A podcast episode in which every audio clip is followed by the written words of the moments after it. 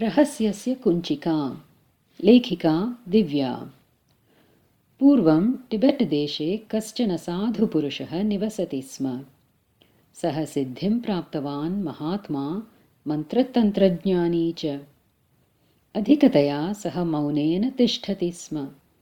तं दृष्ट्वा जनाः चिन्तितवन्तः यत् एषः सर्वाणि रहस्यानि जानाति इति।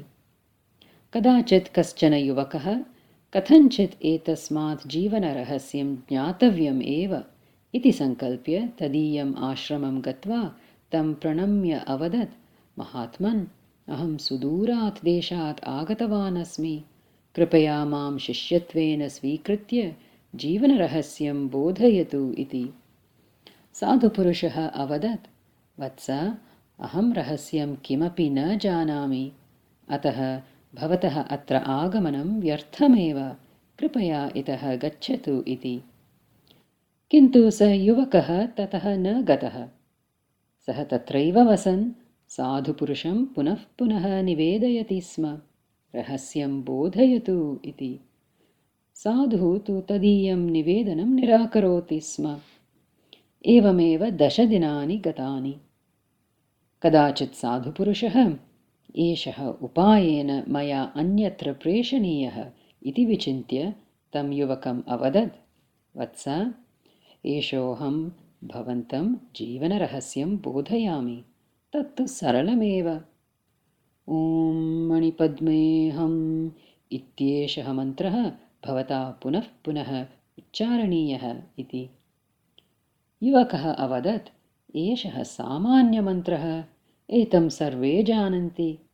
रहस्यबोधकः कथं भवेतेषः इति। साधुपुरुषः अवदत् मन्त्रः तु सरलः एव। एतम् उच्चारयता मानवेन कुञ्चिकया रहस्यम् उद्घाटनीयं सा कुञ्चिका एव अतिकठिना इति। का सा कुञ्चिका? कुतूहलेन अपृच्छत् युवकः। यदा भवान् एतं मन्त्रम् उच्चारयति तदा भवतः मनसि वानरस्य चित्रं न आगच्छेत्। एषा एव कुञ्चिका नाम इति विवृतवान् साधुपुरुषः। एतावदेव खलु एतदहं विनायासं करिष्यामि इति वदन् सः युवकः ततः निर्गतवान् एकान्ते ध्यानाय उपविष्टवान् च। यदा मन्त्रोच्चारणम् आरब्धं तदा मनसि कस्यचन वानरस्य चित्रम् आगतमेव। युवकः मनसः निग्रहाय प्रयासम् अकरोत्। तावता द्वित्राणां वानराणां चित्राणि मनसि आगतानि। ते वानराः नृत्यमारब्धवन्तः। गच्छतु गच्छतु इति युवकः वानरान् अतर्जयत् मनसि एव। वानराः न गताः। युवकः इतस्ततः अधावत् नद्यां न्यमज्जत् तथापि वानराः न गताः। क्रुद्धः सः साधुपुरुषस्य समीपं गत्वा अवदत् भोः कीदृशमकृत्यं कृतं भवता? मम मनः इदानीं वानरमयं जातमस्ति। पूर्वम् एवं न आसीत् इति। तदा साधुपुरुषः हसन् अवदत् मया पूर्वमेव उक्तमासीत् खलु अहं रहस्यं न जानामि इति।